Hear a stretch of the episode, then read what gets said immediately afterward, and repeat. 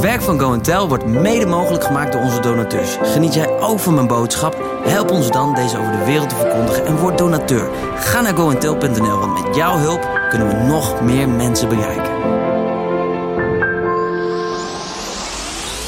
Davids nieuwste boek Genade is voor watjes is nu verkrijgbaar. Voor iedereen die het lef heeft om genade recht in de ogen te kijken. Nu te koop voor 9,95.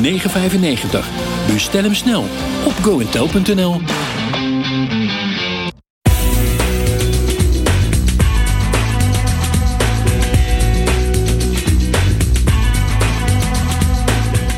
Fijn dat je er weer bent. Het wordt weer genieten. We gaan verder met de serie over Gods manier van genade. Luister naar deel 2 van Genade is voor watjes.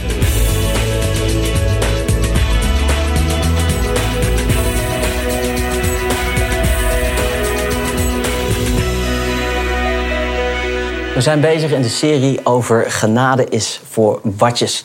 En het thema wat ik nu met je bespreken wil is: je zonden zijn vergeven of nee, toch niet.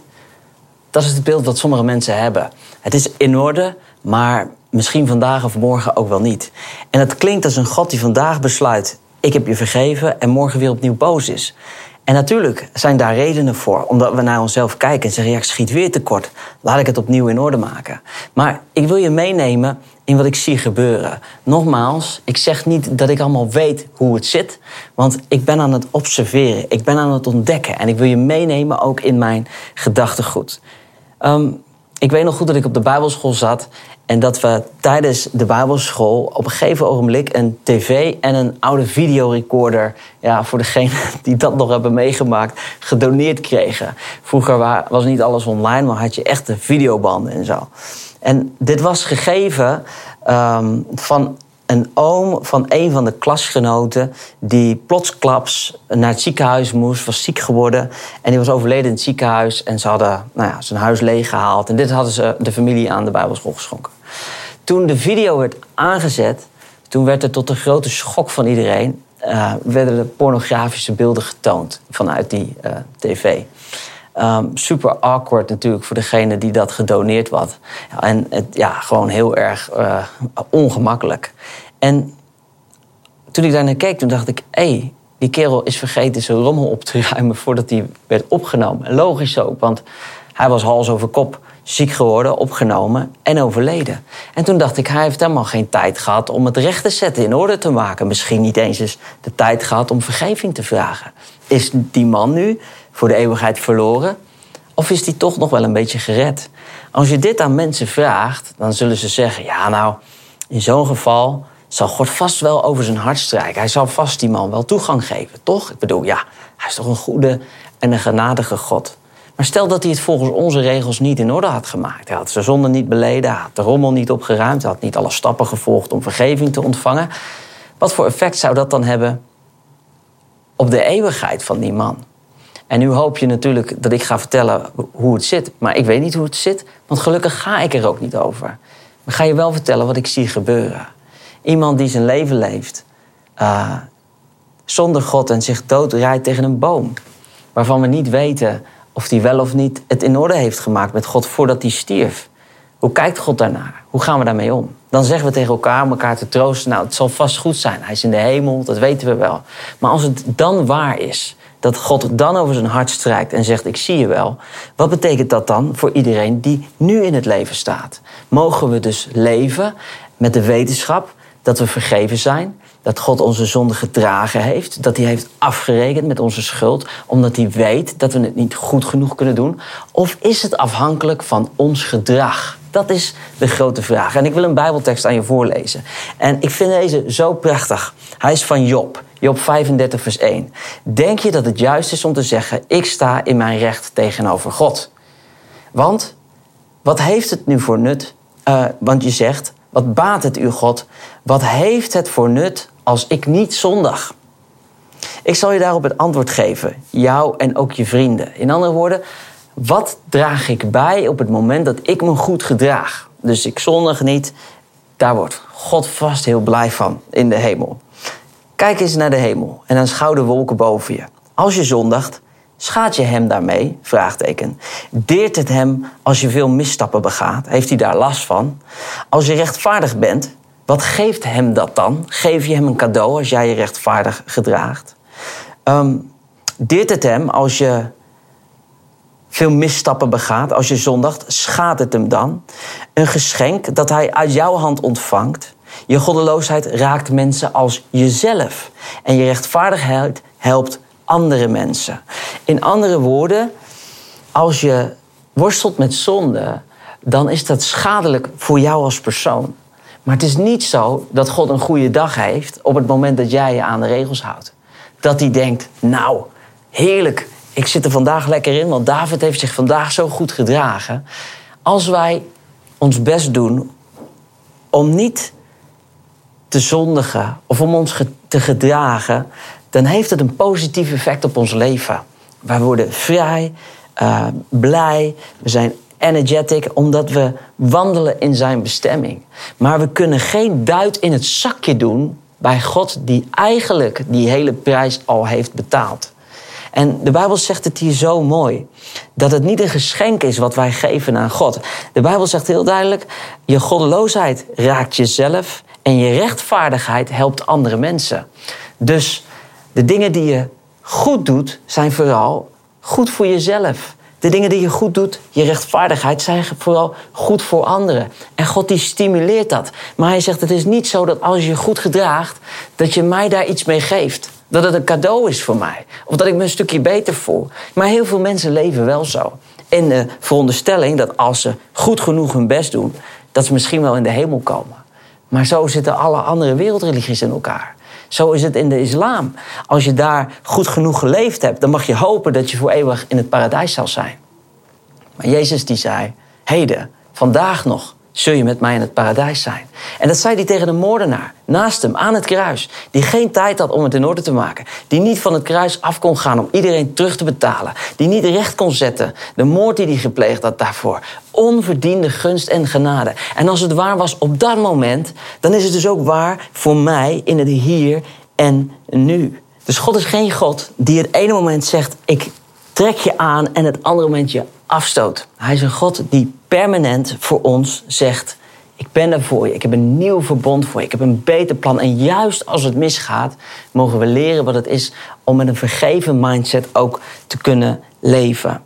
En is dat dan niet vanuit relatie?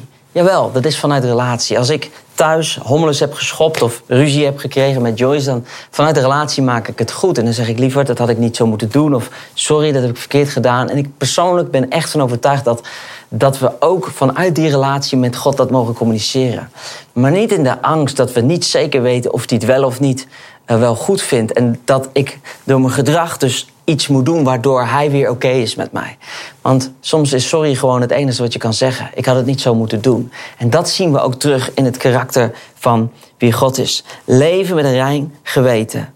En leven met God als in verbond. Wetende dat wat hij heeft beloofd, dat het ook echt zo is. Um, wat ik heel erg mooi vind, is eigenlijk om het beeld te nemen van hoe Jezus ermee omgaat. En ik schets even een situatie van wat ik wel eens zie gebeuren om me heen als iemand flink de mist in gaat. Als iemand flink de mist in gaat, hij valt in zonde, dan zeggen we dingen als van hé, hey, dit moeten we confronteren. Dus we confronteren die persoon en zeggen hé, hey, dit is niet in orde in je leven, dat moet je recht maken. En vervolgens temperaturen we het berouw. Dan zeggen we ja, als je maar genoeg spijt hebt, dan komt het vast wel weer in orde. Um, daarna moet er een bekering volgen. En die bekering die is het liefst aan publiek. Dus iemand beleidt, ah, dit had ik echt nooit moeten doen. Iemand moet diep voor, door het stof. De berouw moet echt zijn. Um, en vervolgens is er, als het even kan, nog een stukje restitutie mogelijk. Het moet rechtgezet worden, in orde worden gemaakt. Als er kosten zijn gemaakt, worden terugbetaald. En daarna komt er een periode van goed gedrag. En als iemand zich dan voor langere tijd eigenlijk bewijst dat hij het wel weer op een rijtje heeft, waaruit we blijkt dat hij heeft begrepen dat hij echt verkeerd is geweest. Misschien dat we dan beginnen na te denken over herstel voor zo'n persoon. Als ik dan even kijk naar Jezus. En dan neem ik het verhaal van de overspelige vrouw. Wat een prachtig verhaal is. De Bijbel zegt, zij wordt in hete daad betrapt op overspel. Het moment dat het misgaat. Nou, ik vind het heel interessant om erover na te denken. En te zeggen, hoe kun je nou een vrouw in hete daad betrappen op overspel zonder dat je zelf daar op een of andere manier bij betrokken bent. Je hebt het of zelf gedaan, of je, of je hebt ernaar staan gluren, maar je bent absoluut betrokken. De religieuze leiders die halen die vrouw op, gooien hem aan de voeten van, haar aan de voeten van Jezus en zeggen: Nou, meester, zegt u het maar wat we moeten doen. Volgens de wet van Mozes moeten we de stenigen. Dus, uh, hè. En ze wilden hem daarmee in de val omdat ze inmiddels al hadden gezien dat hij heel anders was van karakter. En wat deed Jezus? Hij knielde en hij schreef in het zand. Oh, maar ik zou zo graag willen weten wat hij daar schreef, maar ik weet het niet. Ik ga ook niet doen alsof ik het weet. Sommige mensen hebben wel die gedachten, maar ik was er niet bij. Wat ik wel zie, en dat is meer beeldend, dat is, ik zie een God die door zijn knieën gaat. Om de mensheid te dienen, vergeving te schenken, zijn liefde en aandacht te geven. En dat is dezelfde God die ik heb zien bewegen in de Hof van Eden. Toen hij de mens maakte, formeerde vanuit het stof, vooroverboog en de levensadem in de neus van de mens blies. Diezelfde God gaat daar opnieuw door zijn knieën om eigenlijk vergeving te schenken aan de mensheid. Nou, dan zien we er is een aanklager in dit verhaal. En dat is ofwel de duivel, of het is religie. Het zijn de regels die zeggen: ja, maar dit is allemaal niet goed genoeg. En dan lezen we dat, dat ze blijven aandringen van meester, wat vindt u hier nu van? En dan zie je dat uh, Jezus in eerste instantie niet eens eens hun vraag beantwoordt, maar ze blijven maar zeuren van joh, u moet hier wel een antwoord op geven. En dan draait Jezus het om. Dus hè, hij zegt wie zonder zonde is, werpen de eerste steen. Dus hij spiegelt de aanklagers, zodat ze zich beseffen: oh, wacht even, wij zijn eigenlijk ook schuldig. Uh, nou, laten we ons hier dan maar niet mee bemoeien. Dus we zien dat Jezus verjaagt de aanklager, hij verjaagt de duivel, hij verjaagt de schuldvraag, hij verjaagt de aanklacht van de regels. En vervolgens maakt hij het veilig voor deze vrouw. En als het veilig is, dan knielt hij naast haar neer en dan vraagt hij aan haar: Heeft iemand jou veroordeeld? En dan zegt ze: Nee, meester, er is niemand. En dan zegt hij: Ook ik veroordeel je niet. In andere woorden, ook God veroordeelt jou niet. Dit is een onvoorstelbaar tegenovergesteld verhaal van wat eerlijk is. Deze dame gaat de fout in. De wet zegt we moeten de aanklagen. De duivel zegt het is haar schuld. Jezus knielt. Jezus gaat er niet eens op in. En als hij er dan uiteindelijk, omdat ze maar aan blijven hè, dringen, zegt hij nou. Spiegelt hij de situatie. Wie van jullie is te perfect? Ja, nou, niemand. Dus uh, hij draait het om. Dan verjaagt hij de aanklager. Hij maakt het veilig. En vervolgens zegt hij: Wie heeft je veroordeeld? Ja, niemand meer. En dan zegt hij: Ook ik, ook God, veroordeel jou niet. En vervolgens zet hij haar zonder voorwaarden vrij. En dan zegt hij: Ga en zondag niet meer. En dat is zo'n mooi Bijbelgedeelte, wat heel vaak wordt gebruikt. Van zeg, ja, hij vergeeft wel, maar dan zegt hij: Je mag het niet meer doen. Nee, maar hij zegt dat omdat hij zegt: Het is niet goed voor je. Als je dit doet, dan heb je er last van. Dus doe het niet meer. Maar dat doe je vanuit de kracht van het feit dat je weet dat je aanklager de mond gesnoerd is. En dat je ook weet dat God je niet meer veroordeelt. Want dat is waarvoor ik naar deze wereld kwam. Waarom deed Jezus dit? Omdat hij het kon doen. En hij was nog niet eens aan het kruis gestorven, maar hij had het kruis al in gedachten. Hij wist straks vergiet ik mijn bloed voor jou. De grote vraag is, waarom was Jezus zo ontzettend liefdevol en begaan met deze vrouw? En ik denk dat ik daar iets van kan begrijpen. Wij mensen sturen op gedrag. Dat is niet goed, dat mag je niet meer doen, dat is niet oké. Stop ermee. Maar Jezus kijkt naar wat eronder zit. Zou Jezus iets hebben gezien in deze vrouw wat wij gewoon niet kunnen zien? En dan moet ik denken aan, hij wist waar haar wieg heeft gestaan. Hij wist wie haar vader was, wie haar moeder was. Hij wist wie misschien de broers waren. Wellicht wist hij van het misbruik in haar jongere jaren. En de reden waarom ze uiteindelijk zich zo verslingerd was geraakt in, in de zonde, zich zo waardeloos voelde. Ik heb een keer een gesprek met Wilkin ook over gehad. Die zegt: zonde, David, is een symptoom. Het is een gedrag waar iets onder huist. En wat daaronder huist is vaak een behoefte. Dat is, dat is een pijn. En dat is een pijn waarin we de pijn eigenlijk proberen te verdoven met de zonde. De Bijbel zegt dat letterlijk in Efeze, dat we in onze verdoving ons hebben overgegeven aan de losbandigheid in de wereld. Als je alsmaar de behoefte hebt om je leegte te vullen met allemaal doelloze lege dingen, dan heb je nog niet van binnen in die pijn, die onvoorwaardelijke liefde van God ervaren.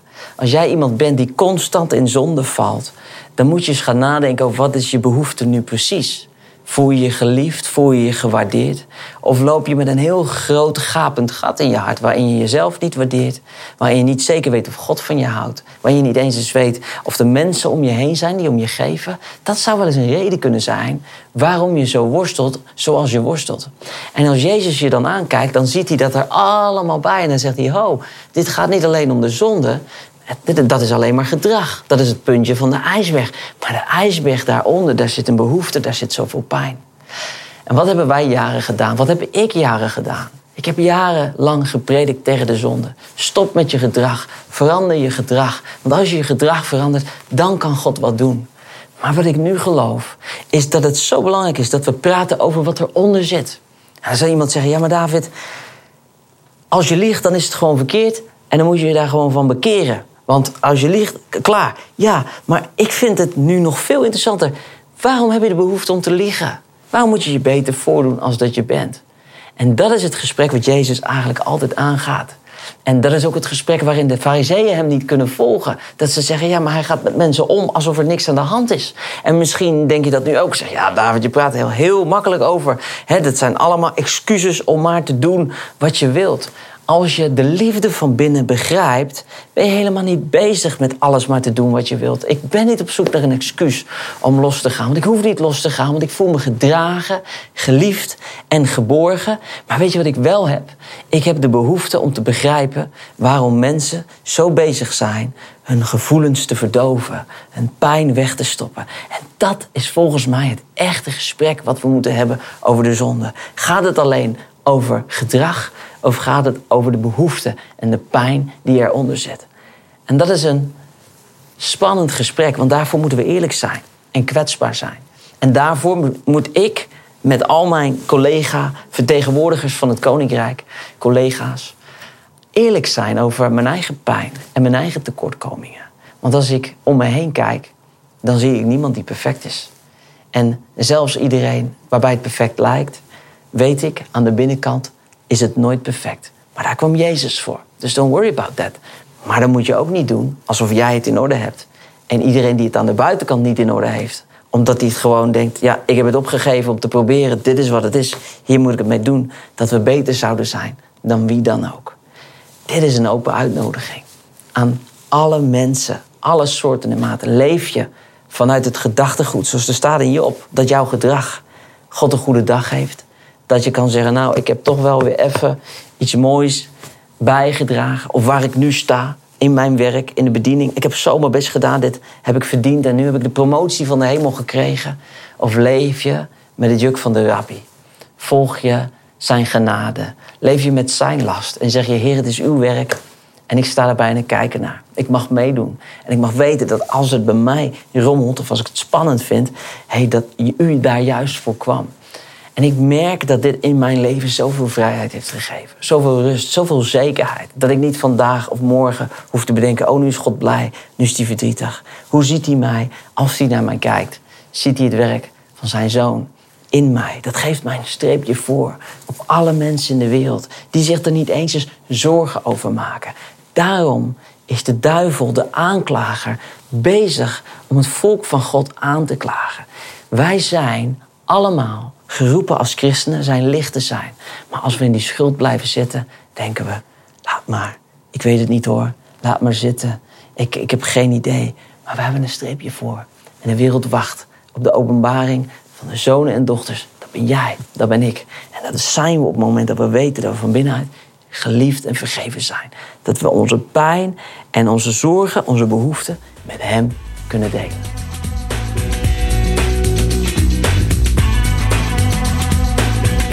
Dat was hem alweer. We hopen dat je hebt genoten en zien uit naar je reactie op info@goentel.nl. Check ook onze webshop voor het boek Genade is voor watjes en vergeet je niet aan te melden voor Simply Jesus Come Together. Alle info op onze site en in de app.